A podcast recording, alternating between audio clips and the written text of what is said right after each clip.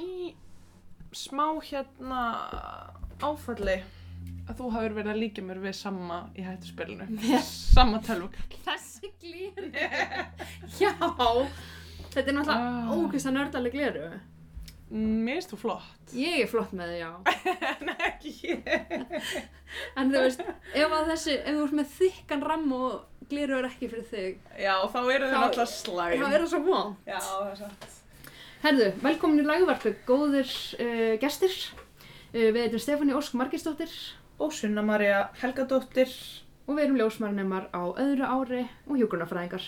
Gaman að segja frá þessu. Um, við kveitjum okkur til að fylgja okkur á Instagram, Legavarpið á Mhm. Instagram. einfalt gott.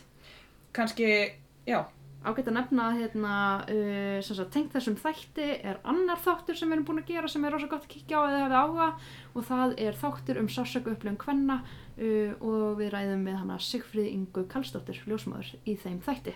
tjekkið á honum. Mjög góður undirbúningur fyrir þennan þátt eða eftir þennan þátt.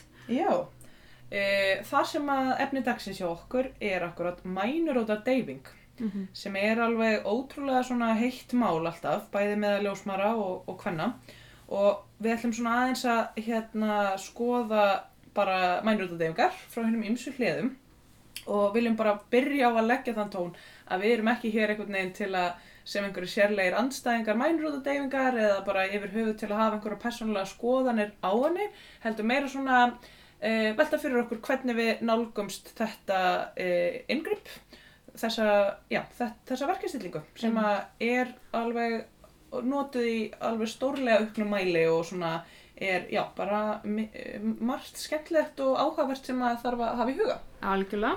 Er það ekki? Um, ekki bara byrja að segja hvernig hún virkar.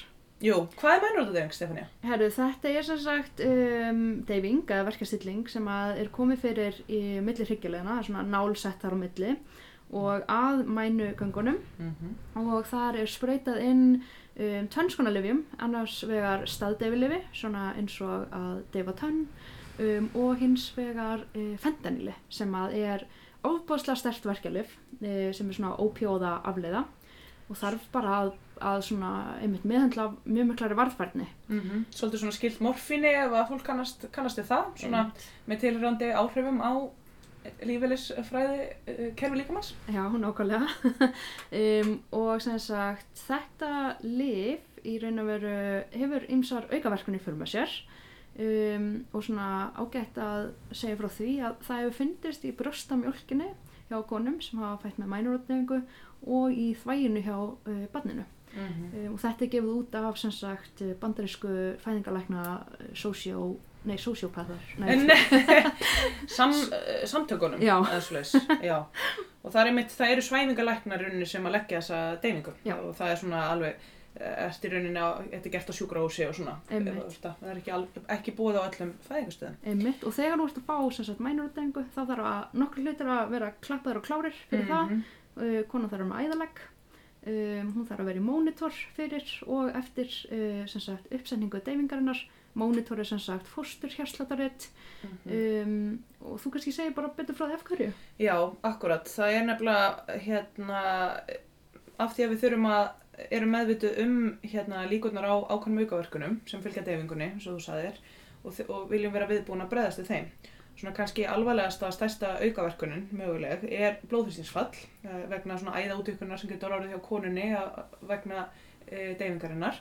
Að þá getur blóðþrýstingurinn hennar skyndilega lækkað Eh, Þannig að þá þurfum við að hafa svona algjörlega skyndilegt æða aðgengi til að geta gefið henni og lifi æð til að bregðast við þessum.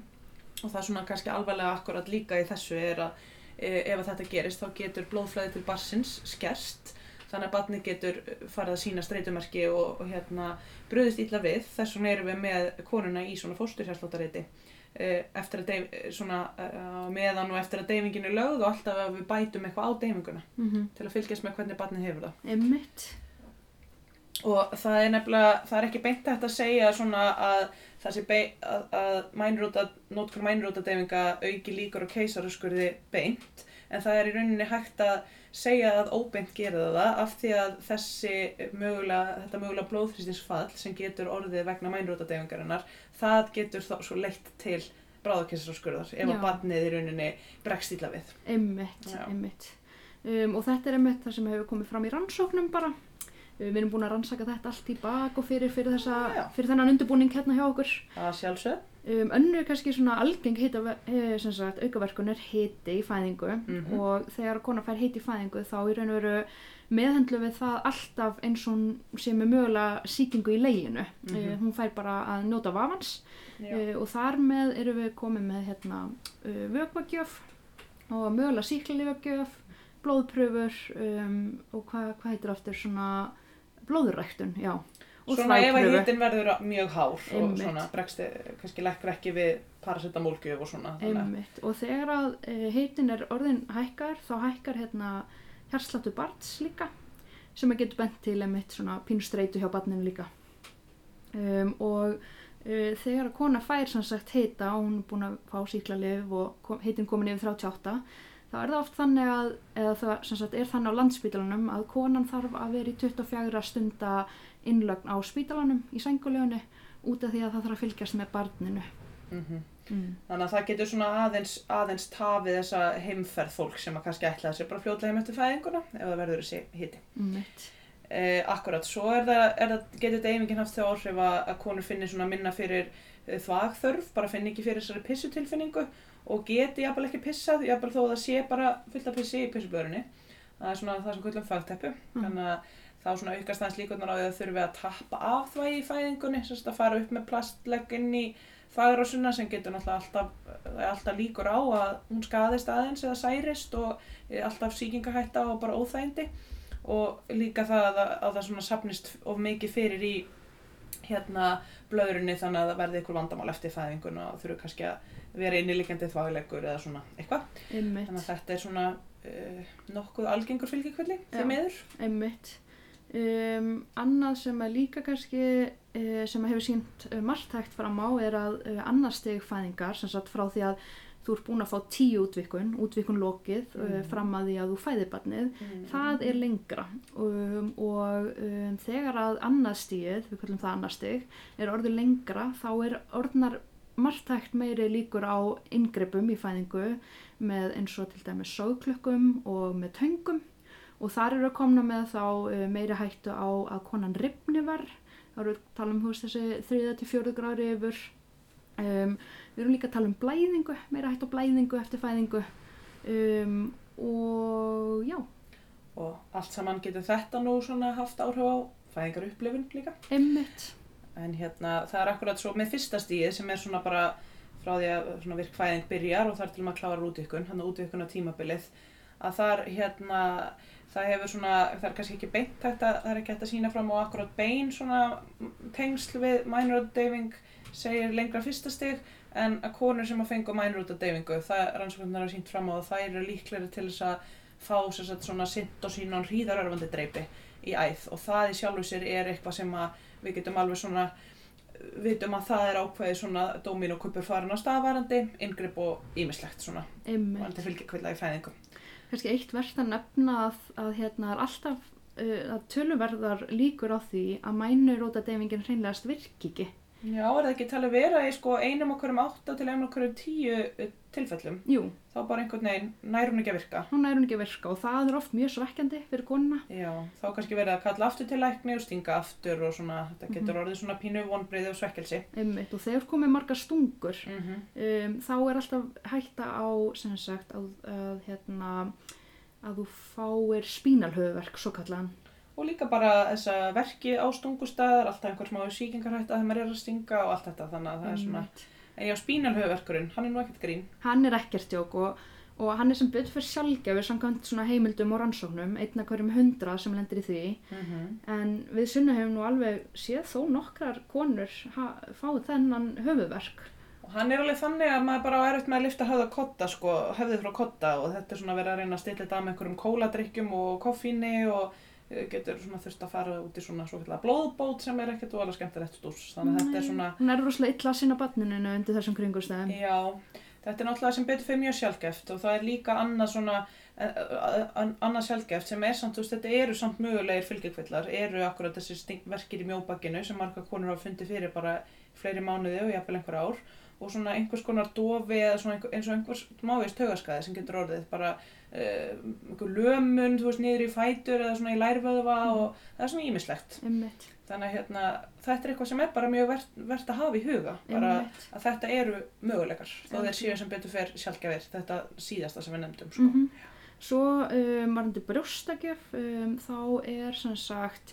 ekki endilega margar rannsókn sem að styðja áhrif mænurótadeyfingu og brjóstakjöf, kannski bara svolítið erfitt að rannsaka það, Mhm. en það er svona, einmitt eins og við fórum aðeins yfir í áðan, um, varandi, nei við fórum nú ekki í það, en hérna það er svona reynsla ljósmaðurina á sengulegu sem að við sunna unnum á í sömar, að þau börn sem að uh, sem sagt, fæðast undir þeim kringustæðum að mamman fekk hérna mænurútadeyfingu um, að þau eru aðeins verð sett að sjúa, að grípa gerfurstun og sjúa Mm. uh, og brjóstakjöfun fara aðeins byrjulega stað en Mhm. það er enga rannsóknur bak við nákvæmlega þessa staðrind Meira svona einhvers konar um, reynslu tilfinning. reynslubólta tilfinning Eða þannig, Einmitt. já, akkurat. Herðu, svo var reyndar eitt áhugart sem ég var að uh, svona mun eftir núna er að hérna það voru einhverja konur að tala um og þetta er náttúrulega alls ekki sanna en það, þetta er bara eitthvað sem búið er í umræðinni að, að svona setna meir er mingu tilfinning í snýpnum sem að konu, já, sem að konu voru að reyki til notkun mænarótadeyfingar Já, hérna. en hérna, já, ég sildi ekki dýra en ég kefti þetta og þetta er náttúrulega ekki rannsaka en þetta er einhver svona, þetta var einhver umræða áhugavert Það er aldeilis svekkjandi. já, já. Vorum þetta sé ekki satt. Nei, Akkurat. En hérna, þetta var nú aldeilis uh, intense uh, yfirferð hjá okkur. En einhver sér, okkur fannst bara mikilvægt að svona, þetta væri ákveðnar fórsendur til þess að kannski bara skilja síðan spjallið sem við erum að fara að skipta yfir í. Að svona hafa þess að reynu hvað við erum að tala um. Að þetta er ekkert, í svo sem þegar maður setur þetta allt saman á blað, þá er þetta nú ekkert svo léttvakt, öll þessi, allar þessar aukaverkanir. nei, alls ekki og ég held að hérna, maður mætti vera dugleira að fræða uh, konur og verðandi fóreldur um þetta Mhm. uh, og það er svona kannski okkar tilgangu með þessum þætti Akkurat. En við ætlum að skipta einn yfir í spjall og gestur dagsins er engin önnur en hún Katrín Sif Sigurgesdóttir, ljósmóður með meiru mm -hmm. og e, mælum eindreið með að þið haldið áfram, leggið við hlustir. Takk fyrir að koma Katrín Sif Já, Takk fyrir að bjóða mér. Já, um, þú er komin inn til að tala um eldheitt umræðefni Mm. En kannski bara gaman að ef þú myndir bara byrja að segja þess frá sjálfu þér. Já. Þá spurði hversu djúpt ég á að fara og ég byrja frá æsku. Frá fæðingunum minni.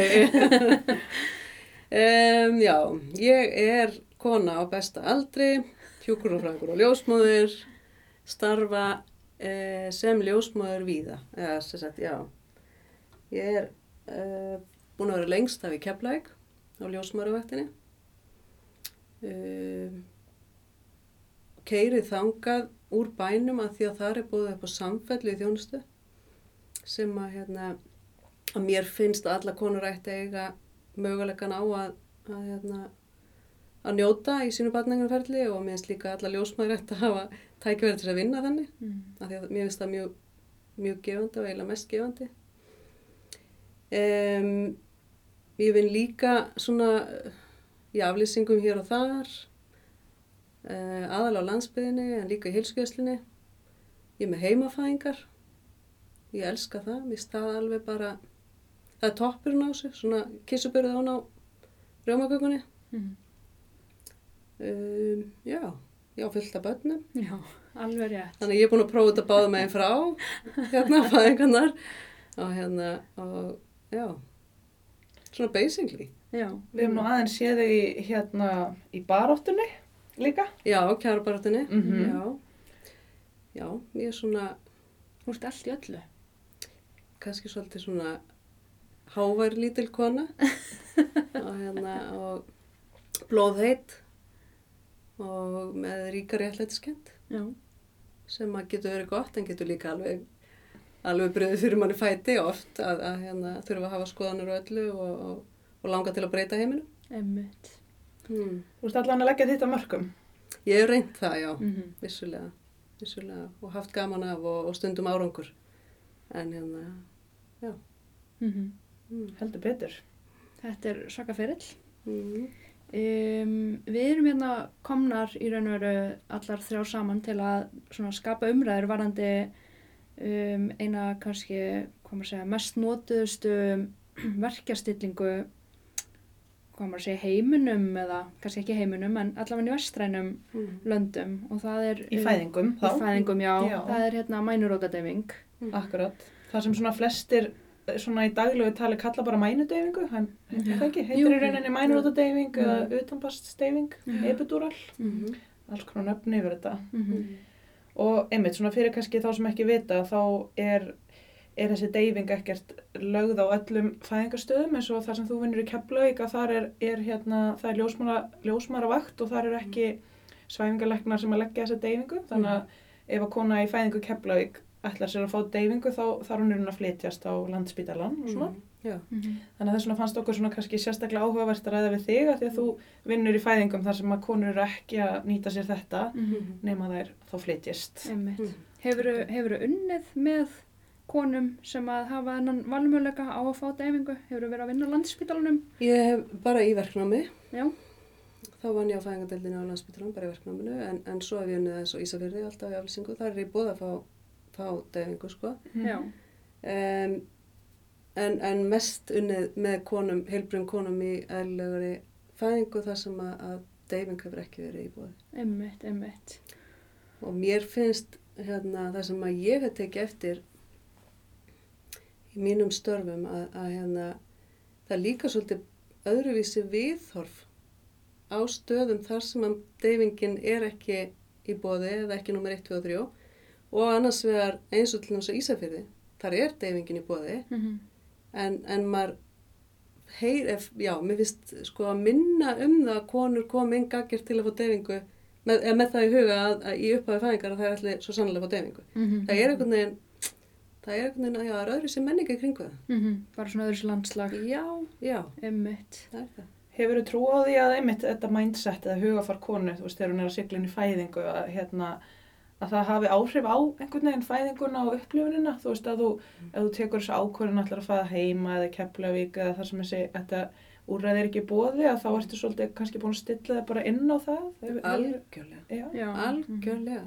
Og það er bara, það er sínt og sannað, þú veist, e, með fjölda rannsókna og, og, og, og vitna, skiljið, að það hefur áhrif. Það sem að keiri fæðinguna áfram, áfram eru taugabúðöfni og hormón og, og vel upplýst kona sem er í góðum tengslum við líkamann sinn og, og, og veit svona nokkurn veginn hvað hún á vona og hvað hún getur valið um að, að henni vegnar alla jafna betur heldur en óupplýst kona sem að er að fara inn í aðstæður sem hún þekkir ekki og hefur ekki traust til og er bara hrætt og skelkuð, Mm -hmm. skiljið. Mhm. Það er bara, það er alveg gefið.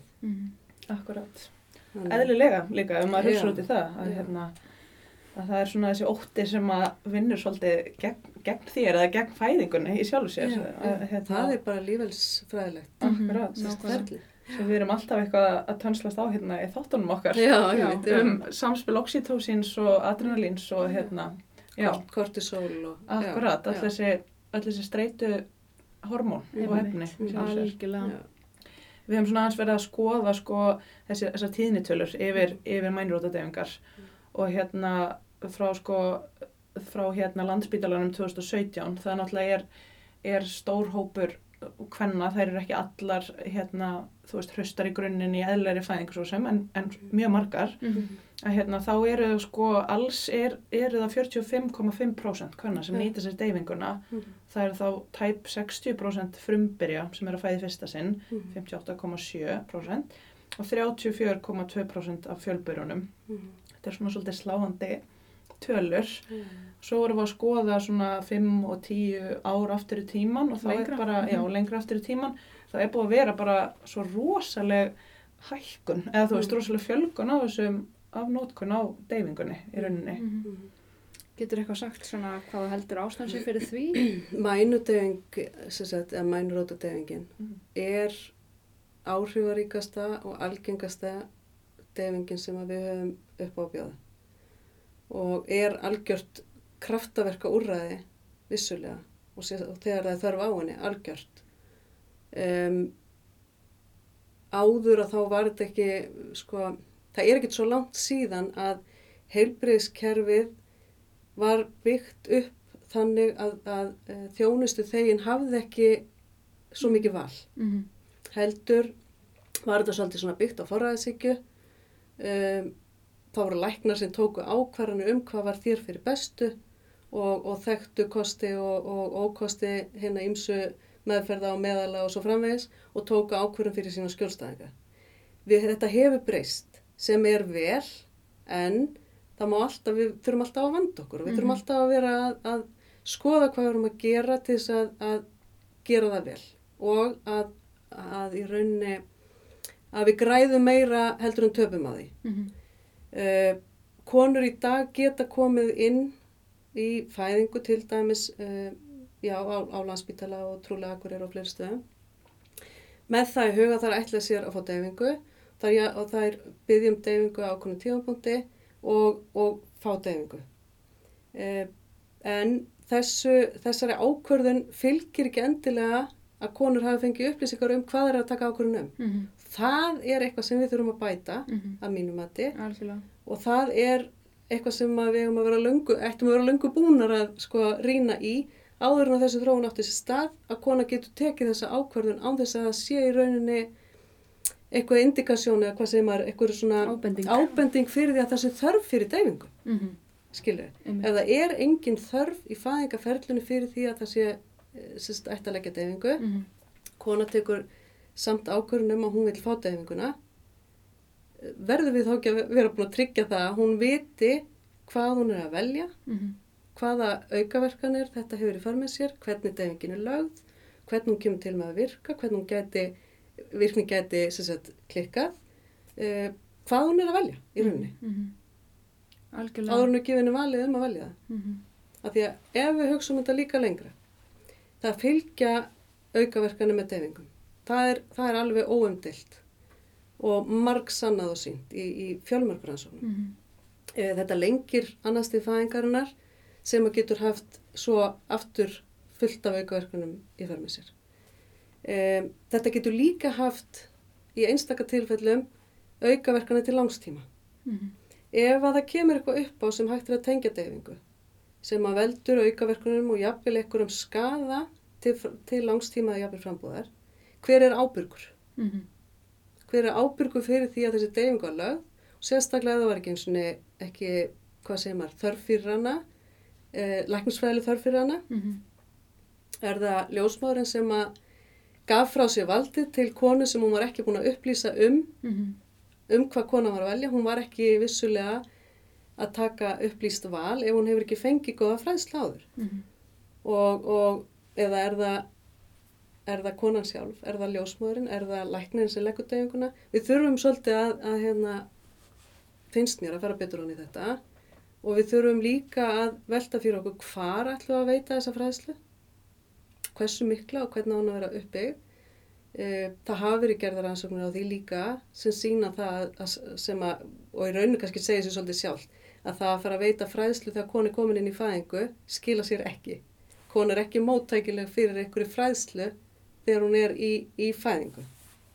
Eh, við höfum á Íslandi alveg rosalega góða maðuravend. Um, oft tala um það maðuravend og ljósmaður reyndar að hafa stuttan tíma og við vildum hafa meiri tíma fyrir svona fræðslu. Sumstaðar er það, er það sagt, meira svigrum á landinu en við myndum vilja sjá það allstaðar. Eh, til þess að geta svona á setni stigum meðgöngunar komið að fræðslu um fæðingaferlið og þar að leiðandi um deyfingar. Mhm. Þannig að þegar kona fyrir inn í fæðingu að hún geti tekið upplýsta ákverðun um hvað hún vill, hvaða þjónustu hún vill og hvaða engripp hún kæri sem að fá. Mhm.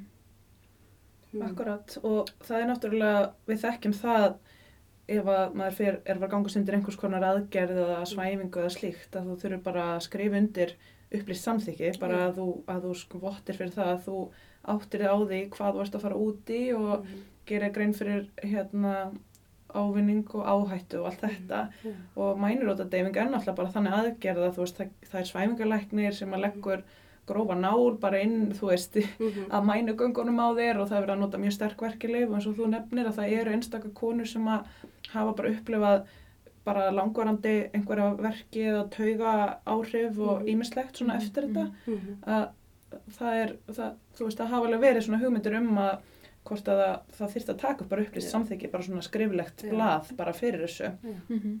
í sjálfu sér. Ég, sko já, það væri, og, og ég vona að það verði raunin hjá okkur fyrir en setna. Mm Mhm. Og það er mín sín að, að hérna, að uh, það þarf að í raunin að samræma bara fræðslu pakka yfir allt, alla landsbyðina þannig að allar konur fái jafnan aðgang að jafngóðri fræðslu Mhm.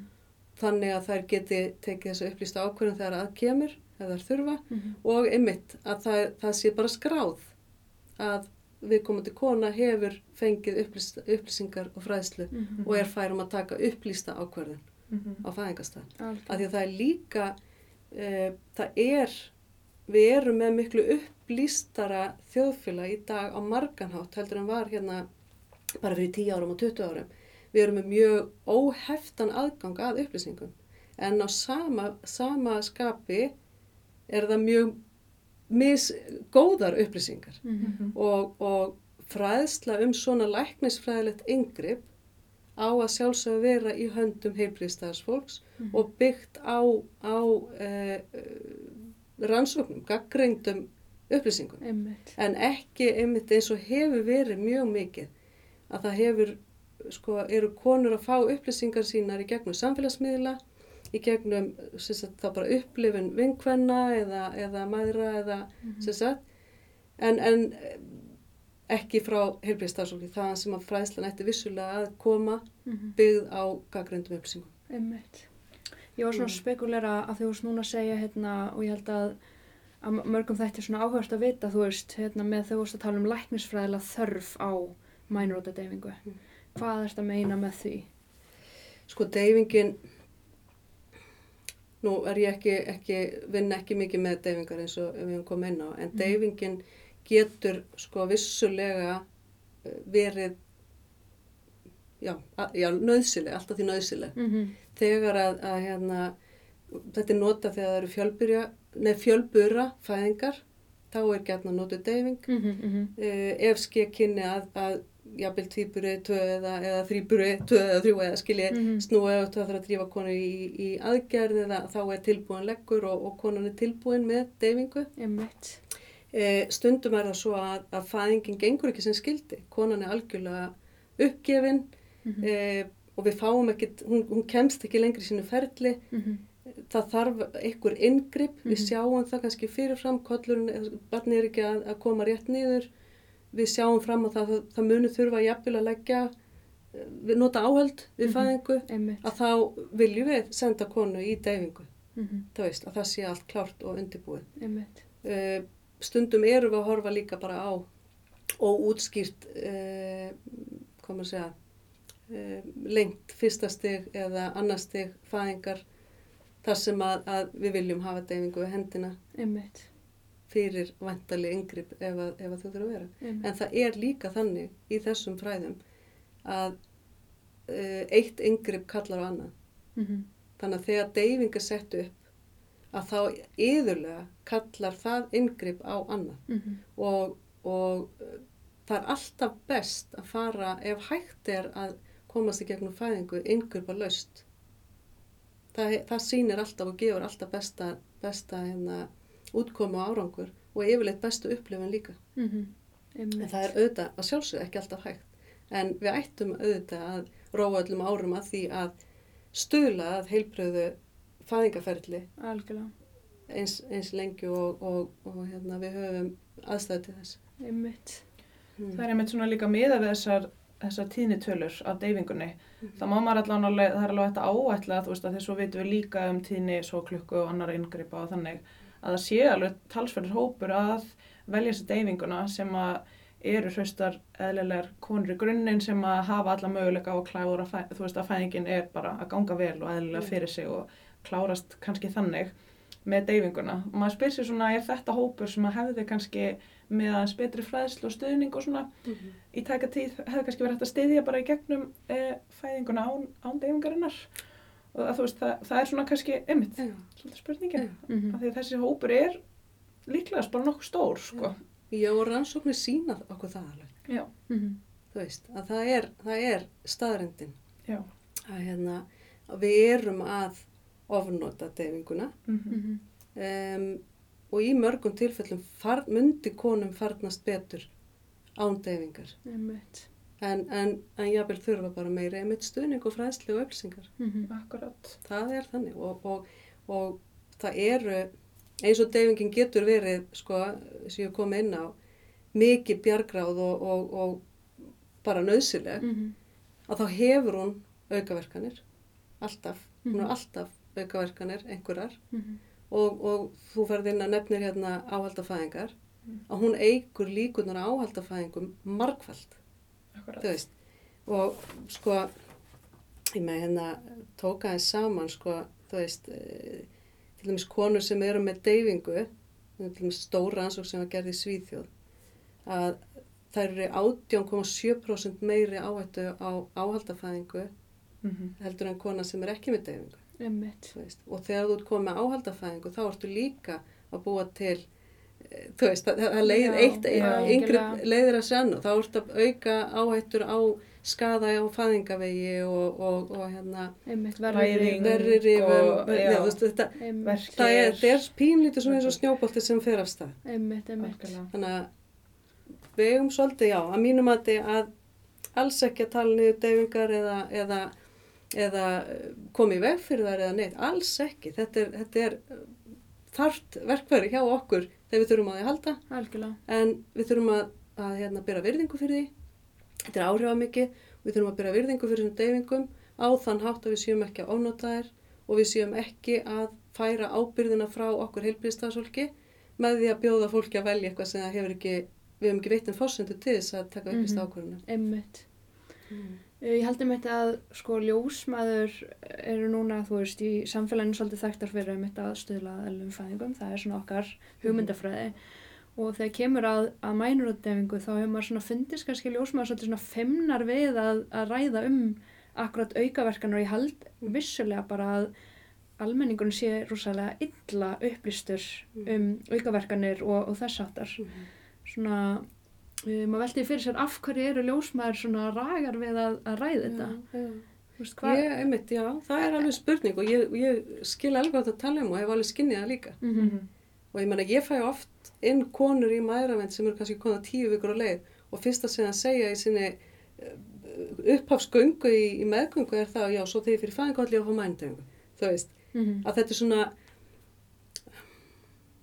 þetta hlýtur að byggjast á litlu eða röngu upplýsingaflæði Er það með þú konunum? hjá, hjá konum. Einmitt. og, og hérna og þar, þar held ég að við ljósmaður verðum að spýta svolítið í lóana og við verðum að vanda okkur Mm og eins og ég segja að byrja virðingu fyrir þessu með því að veita meiri fræðslu, Mhm. vandaða fræðslu og við verðum líka að vera uppfrættar sjálfar Einmitt. og vita hvað, um, hvað við erum að bjóða, Mm vita hvaða kosti og galla þetta hefur og halda okkur á tánum með því að, að uppfræða okkur jafnóðum af því að þetta er náttúrulega eins og allir vita við búum í alveg rosalegu hérna, hröðum hérna, hröðu samfélagi með hröðum framtróðunum og breytingum bæði í lífamarka eða þú veist hérna, læknisfræðilega og, og lífafræðilega og, og annað að við þurfum svolítið að halda okkur á tánum -hmm. og kannski er það það sem það vantar að, að mm, almennt hafa ljósmaður annarkvort ekki tíma eða, eða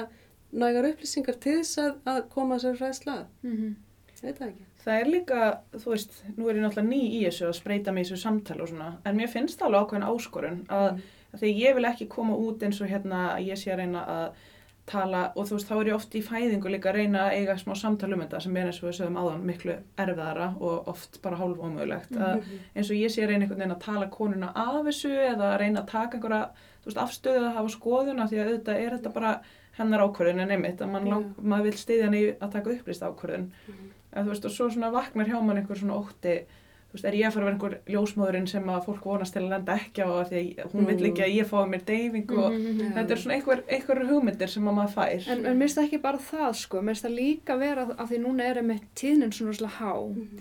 að maður á kannski vinkonur og, og svona og maður ræðir þetta um þú veist, um þessa aukaverkuna að maður sé kannski svona og maður er ekki að gera það, maður er ekki að seima neitt, maður er ekki að fá neitt til þess að skamma sín en, en á einhvern hátt er maður svolítið hrættur um að maður komi þannig út að maður sé að gaggrina konuna Já. fyrir af tekis ákvörðun Mhm. Mhm. en, en satt að segja þá vill maður kannski bara að konan hafi tekið upplýst ákvörðun Já. eða þá þetta er bara umræða og þetta er ekkert meira það, ég hef bara ákveðna þekkingu Mhm. viti svona Mhm, algjörlega. Það er líka, þú veist, um, á þess að ætla að fara að, að persónu gera þessa umræðu eitthvað, veist, eða, eða tengja ykkur ákveðna persónu inn í það. Það var gefin út bók hérna fyrir stötu síðan og þjóðþögt manneska sem fór að tala um e, deyfingar. Og í upphafi meiri sér komin samlíking þar sem að, að, e, þess, að, að deyfingu í fæðingu var líkt við það að fá deyfingu við tandrátt. Þú veist, þegar það er að draga úr þér tönn, ertu það mikill jaksla og segir bara nei takk, ég þarf ekki deyfingu. Þetta er á engan hátt sambærilegt, mm á engan hátt. -hmm.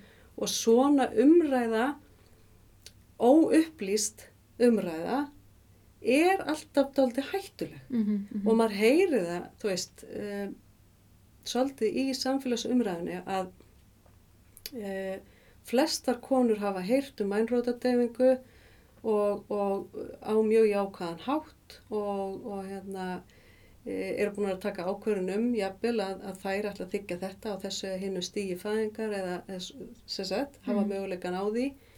En, en alveg ofbúðslega fáar vita nákvæmlega um hvað þeir eru að taka ákvörðun. Mhm, og, og upplýsingarna sem þær hafa á bakviða eru gætnan úr svona umræðu mhm, eins og ég nefni sem sagt, frá til dæmis þessum tiltekna þjóðhætta einstakling sem að, að, að líktu þessu saman við til dæmis tandráð. Þetta er, mhm, það er aldrei hægt að bera, þetta er eins og að bera saman bara sko eiginlega epl og banana. einmitt. Og maður hefur heyrt svona ennþá yktar einhverja svona líkingar eins og, já, ég ætla að taka úr þér hérna, um, bara já, fjár, taka þér fótinn eða fjarlæga úr þér botlangan, má Mm. bjóða þér hérna Mm. uh, verkja stillingu eða svæfingu eða síklarleif eða ætlar að takast á Mm. þetta náttúrulega innan gæsalappa. Mm. Maður hefur séð svona skoptekningar af einhverju svona Já. eins og við séum þessi persóna sem Já. erum að bjóða Mhm. hérna, viltu fæða barnið náttúrulega eða má bjóða þér hérna það sem að liggur augum uppi að þykja deyfinguna. Mhm, Þú veist, þetta er náttúrulega bara algjör útúrsnúningur, þú veist, og já, Það, það er það og það er í rauninni, uh, þetta er, þetta er hættuleg, hættuleg, Hættulega Sko, samanbörður, sko. já þetta er það að því að hann er svo kólrangur. einmitt. Það er ekki, okkur er ekki lífeylisfræðilega eðlilegt að leggjast á borð og láta rist okkur á hól. Nei, En okkur er lífeylisfræðilega eðlilegt að, að fjölga okkur og, og um, að batn vaksi innra með manni. að barn vaksi innra með manni og, og að við getum í langt flestum tilfellum bara fætt það barn án inngripa. Mhm, Oft erum við að búa til þörf fyrir inngrip mhm, og, og e- alls ekki alltaf, alls ekki. Það er vissulega þörf fyrir að hafa eh, aðstóð við hendina þar sem, Mhm. þar sem að hérna, þörf er á.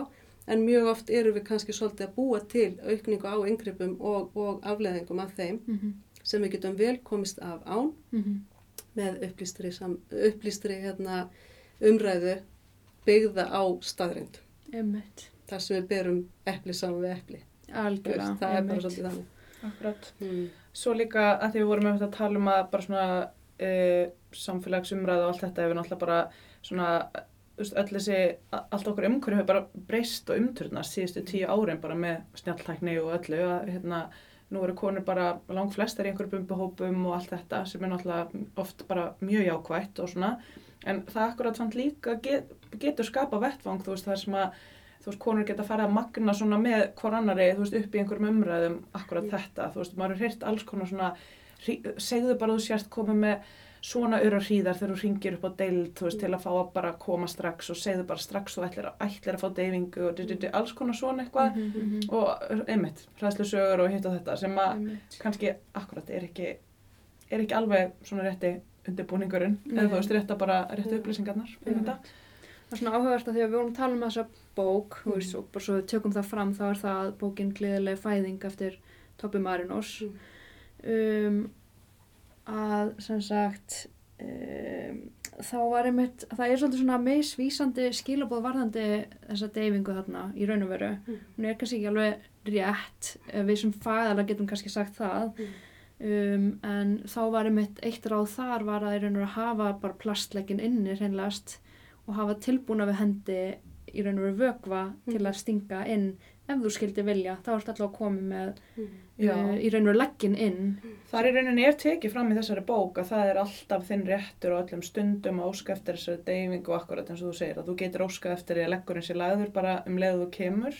og þú, þú ert ekki eins og að vera byrja í fæðingu sko, Já. þú bara getur haft hann Mm. Og- það er svolítið svona forsendan að þú sért byrjuð í fæðingu þú færð deyfinguna Og við þessa bók bendla sig bæði fæðingarleiknir og svæðingarleiknir þannig að Mm, maður veltir já. því svona aðeins fyrir sér hérna bara já, hvað fólki gengur til sem er að hérna leggja fram þessar Ég upplýsingar. hugsa að flestir hafi einmitt sem að vinna við fæðingar og hafa upplifað séð náttúrulegar fæðingar hafi velt þessu fyrir sér einmitt. Hvað Akkurat. gengur fólki til Mm -hmm.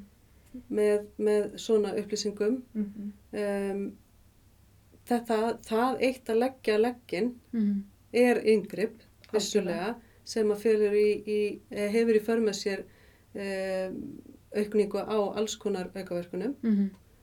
um, þetta er sko, ég held að um, til þess að fæðing gangi sem best og við, til þess að við ljósmaður til dæmis getum stölaði að fæðing gangi sem best þá þurfum við að valdefla konur Mm. og til þess að, að valdefla þá uh, þarf upplýsingar því að leiðu þú hefur upplýsingar að þá færðu verkfæri sem þú getur nýttir í aðstæðum og, og það að hafa réttu verkfærin getur komið okkur rosalega langt og við eigum þau vissulega til, við vitum alveg Mm. hvaða er sem að hjálpar í eðlilegum fæðingum. Við vitum hvað vinnur á móti. Ljósmaður eru ekki svona, hvað maður að segja, einhver er hérna, sársöka sérfræðingar sem að vilja sjá konur öskra og engjast. Það er bara alls ekki staðrindin. Við bara vitum betur. Og það er ekki þörf á að leggja deyfingu eh, eða leggja legg fyrir deyfingu til öryggis. Það er ekki þörf á því. Mhm. Annars myndu við gera það, Mhm. heiklust, alltaf. Mhm. Einmitt. Það er bara, það er kjarni málsins. Við getum gefið konum fullt af verkfærum. Góðum verkfærum sem koma þeim, alla jafna í langflestum tilfellum í gegnum ljúfa og yndislega fæðinga upplifun. Það er alltaf, ég get alveg sagt og þetta er opbáslega ljótt að segja svona, en það er alltaf drullu vond að eiga bann. Mm Það er það. Einmitt. Eh, og þetta er brjálu vinna. En þetta er ekki óbærilegt, annars myndi engin kona eignast fyrir neitt bann. Mm eh, og, og við getum gert þetta lang flestar án inngripa -hmm. og ættum að róa að því öllum árum eins og við getum að, að eignast þá upplifun Mhm. og við getum það með réttum verkfærum en verkfærin eiga ekki að vera byggð á því að vera með svona ræðslu áraður að vera búin að láta leggja eh, legg inn í, í mænugöng skilur Mm -hmm. til öryggis ef eitthvað fyrir þetta þetta er ekki, þetta er ekki sjúkdómur Mhm. að fæða barn. Þetta er ekki skurðaðekir. Einmitt. Þá komum við kannski aftur niður á pælingu sem að dúkar upp í öllu spjalli hjá okkur sem er akkurat bara allt þetta tópek með val og fæðingastað og að við séum að með lang flesta konur inn á háteknisjúkurás að fæða að þú veist, ef það væri fleiri einingar á borðu Keflavík og aðra staði sem eru ljósmærareknar einingar að þar sem að þetta er ekki algjörlega við hend, hendina, þú veist að þá kannski eru konur um eitt komar inn með annað hugafar og það er aðeins stærri ákverðun að ákveða þetta þá, ok, nú er þörf, þá er það flutningur og, og allt það. Mhm. Að það kannski væri líka eflandi og hvetjandi Mm. veginn og þá svona þarftu svolítið að, Mhm.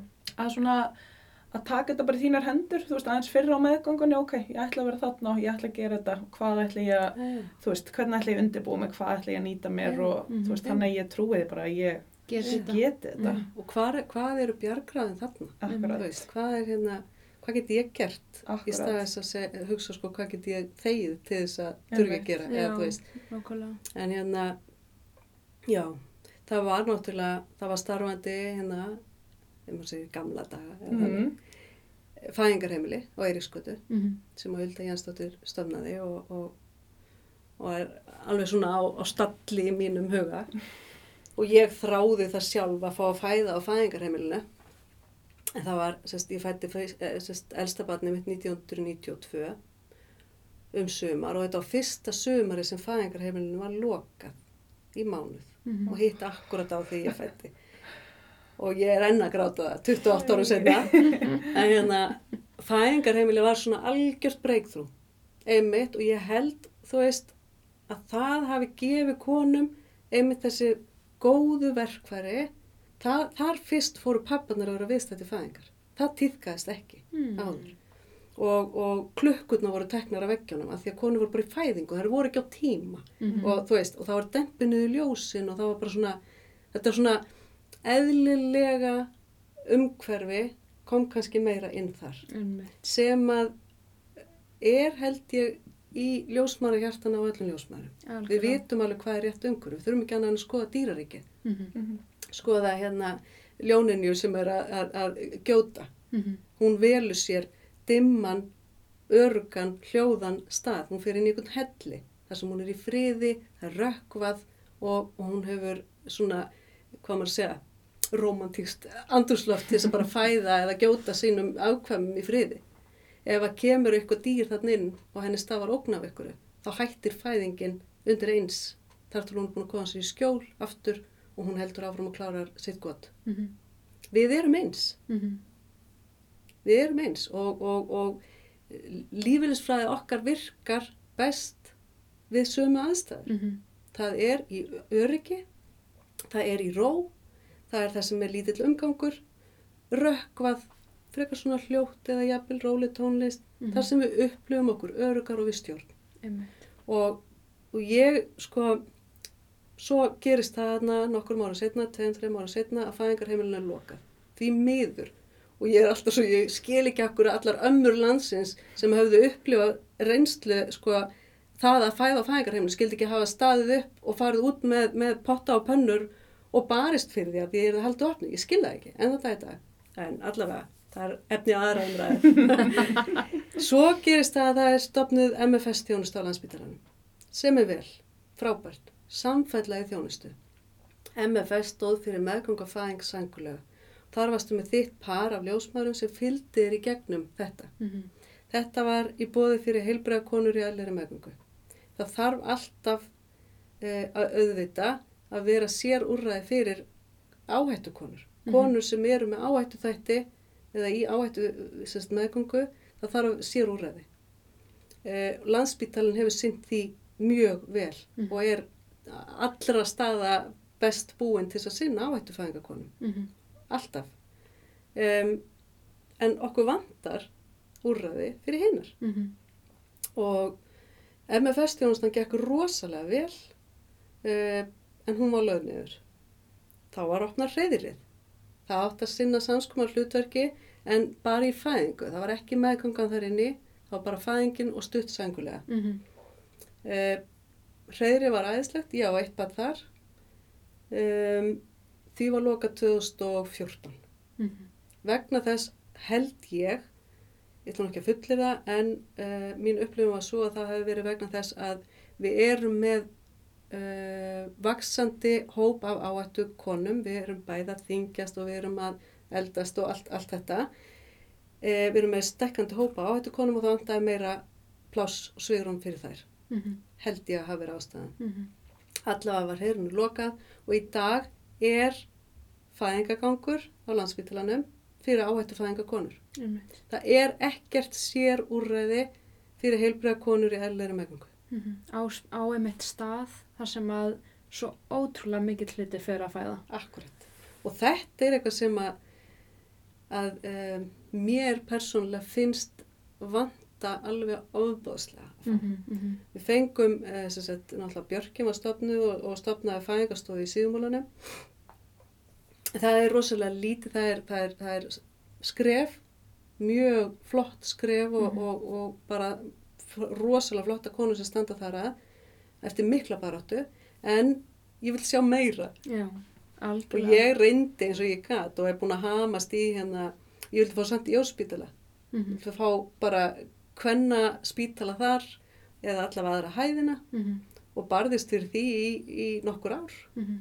ekki var, vann ekki þá bara áttu því miður og græt það svo sem enn en, en það var svona draumurinn Mhm. þú veist, ég vil fá fæðingarheimilið Var aftur stað Fá fyrir... stað fyrir heilbröð konur í eðlir meðgöngu til þess að fæða börnin sín á, á Mhm. þú veist, Einmitt. góðan hátt Já, á þess að vera stattar inn á áhættufæðingadeild eða já. sagt, þar sem að e, álæðið er gríðalegt Mhm. og sængulegan er engin, Mhm. þú veist, Einmitt. meira utanumhald Algjörlega. og bara svona love tender care Samfellu. og svegrum til þess, já. Þar sem að ljósmaðina líka geta unnið, va, haft meira val Já, í hvaða þjónustu vil ég veita. Mér varst einmitt svolítið áhugavert, þú veist, þú veist að lýsa þarna með ljónin. Mm Að, að þú veist, þau svolítið svona leifa sér að fara inn í bara s- sinn eigin hellir og, og svolítið svona þennan þessa frið og ró. Uh, og svona uh, í varðandi, þú veist, maður hefur svolítið oft heyrt með mænurútadeyfingu að, að konur er svolítið svona, já, veist, þegar ég fekk með mænurútadeyfingu þá fyrst gat ég svona opnað augun og séð hvað í gangi.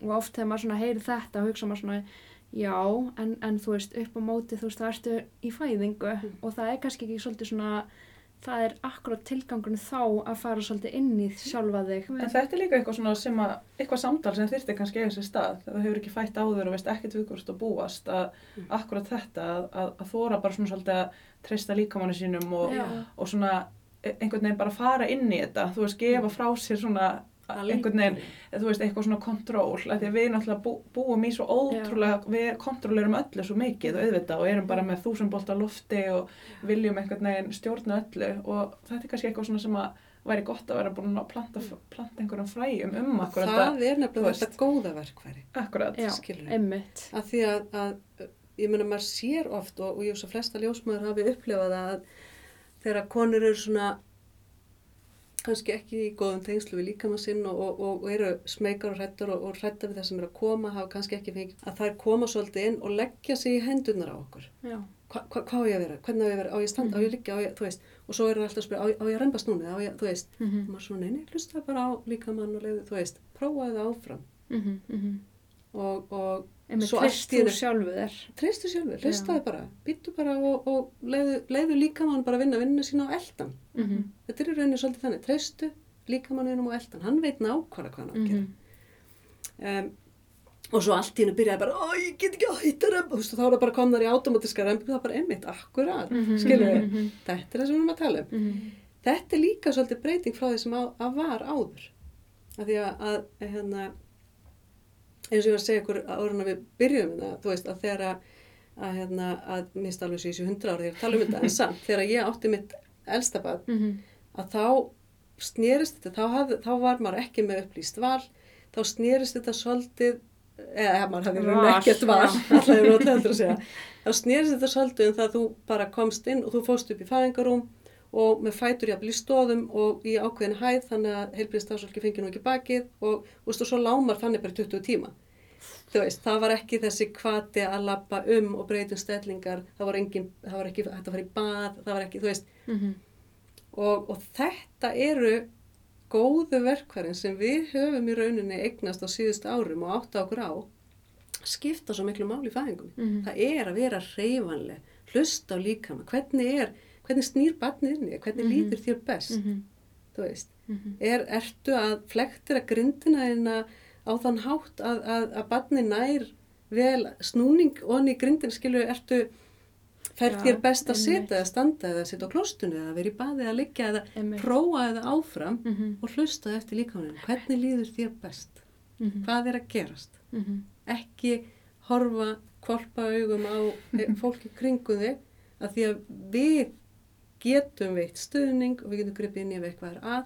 Við getum ekki fætt barnið, líka með þinn, hann getur það. mhm, mhm, Treyst honum. einmitt, Ef eitthvað fyrir úrskeiðis, þá gripið við inn í. En treyst honum. einmitt, Og það er rosalega stórt verkværi. Gríðarlega stórt. mhm, og örgulega eitthvað sem að við, maður má ekki vann með þetta, því þú veist, Nei. við erum að, þú veist, við erum endalust, þetta er svona eins og einhver mantra, þú veist, eins og maður er í skólanum og maður er svona farin að taka þessu sem einhver svona sjálfgefnu, já, já, þú veist, vita þetta ekki allir, Mhm. en það vita þetta held ég ekki allir, Nei. og er ekki allir vanir að þessu bara hugafari, sko. Já, Og við þurfum að- mjög skiljanlega, Hefja það meira. já, mhm, mhm, stundum finnst mér eins og ljósmaður mætti bara svona hafa meiri trú á, þú veist, hvað þær eru miklu sérfræðingar í akkurat þessu, já. Hvað þetta getur verið skipt miklu máli að ræða þetta bara og en á ný kemur maður niður á bara að mæravend þyrft að vera, það þarf að auka stöðu gildin þar og já, þú veist, lengri að- tíma og, já, lengri tímar, Já. að ef það er eitthvað svona sem að eitthvað svona tæknilega atriði og allar þessar skeimanir og allt þetta, þá er einhvers 20-30 minna tími bara alltaf liðin hjá og, já, og svona já, lítið sveirum sem gefst kannski að fara svona alveg einmitt onni Já. góða fræðslu, mænurðardeyfingu eða hvað annað, eðlilegt Mhm. fæðingaferli. Við höfum í, á ljósmaravaktinni Keflæk, þá höfum við haft svigrum, sérst það var mistaraverkefni, einna ljósmaður, að, að hún skoðaði sérst e, og bjóð til svona, um, hvað maður að segja, snið að ákveðni fæðingafræðslu, að fæðingaspjalli sem að miðast við að sé flutt svona kringum kannski 36 vikur meðgöngu, jafnvel aðeins fyrr. Og við höfum uh, bóðið upp á þetta í maðuravendinni Keflavík eða í Reykjanesbæ alltaf að segja og þetta er eitthvað sem ég persónulega myndi vilja sjá allstaðar af því að Mhm. það er Einmitt. gríðarlega þörf og þó að við bjóðum upp á það eru bóðin upp á, upp á, upp á fæðingafræðslunámskeið til dæmis hjá heilsugjæslu höfuborgarsvæðisins hjá enga fyrirtækjum einhverjum uh, að það er alltaf bara ákveðin lítill hluti af fólki, pörum sem að fer á þessu námskeið. Og þú í rauninni ert ekki að um, kaupa þú veist ekki hvaða fræðslu þú færði eða hversu góða eftir með að við hver, hver, hvar þú ferð. Mm -hmm.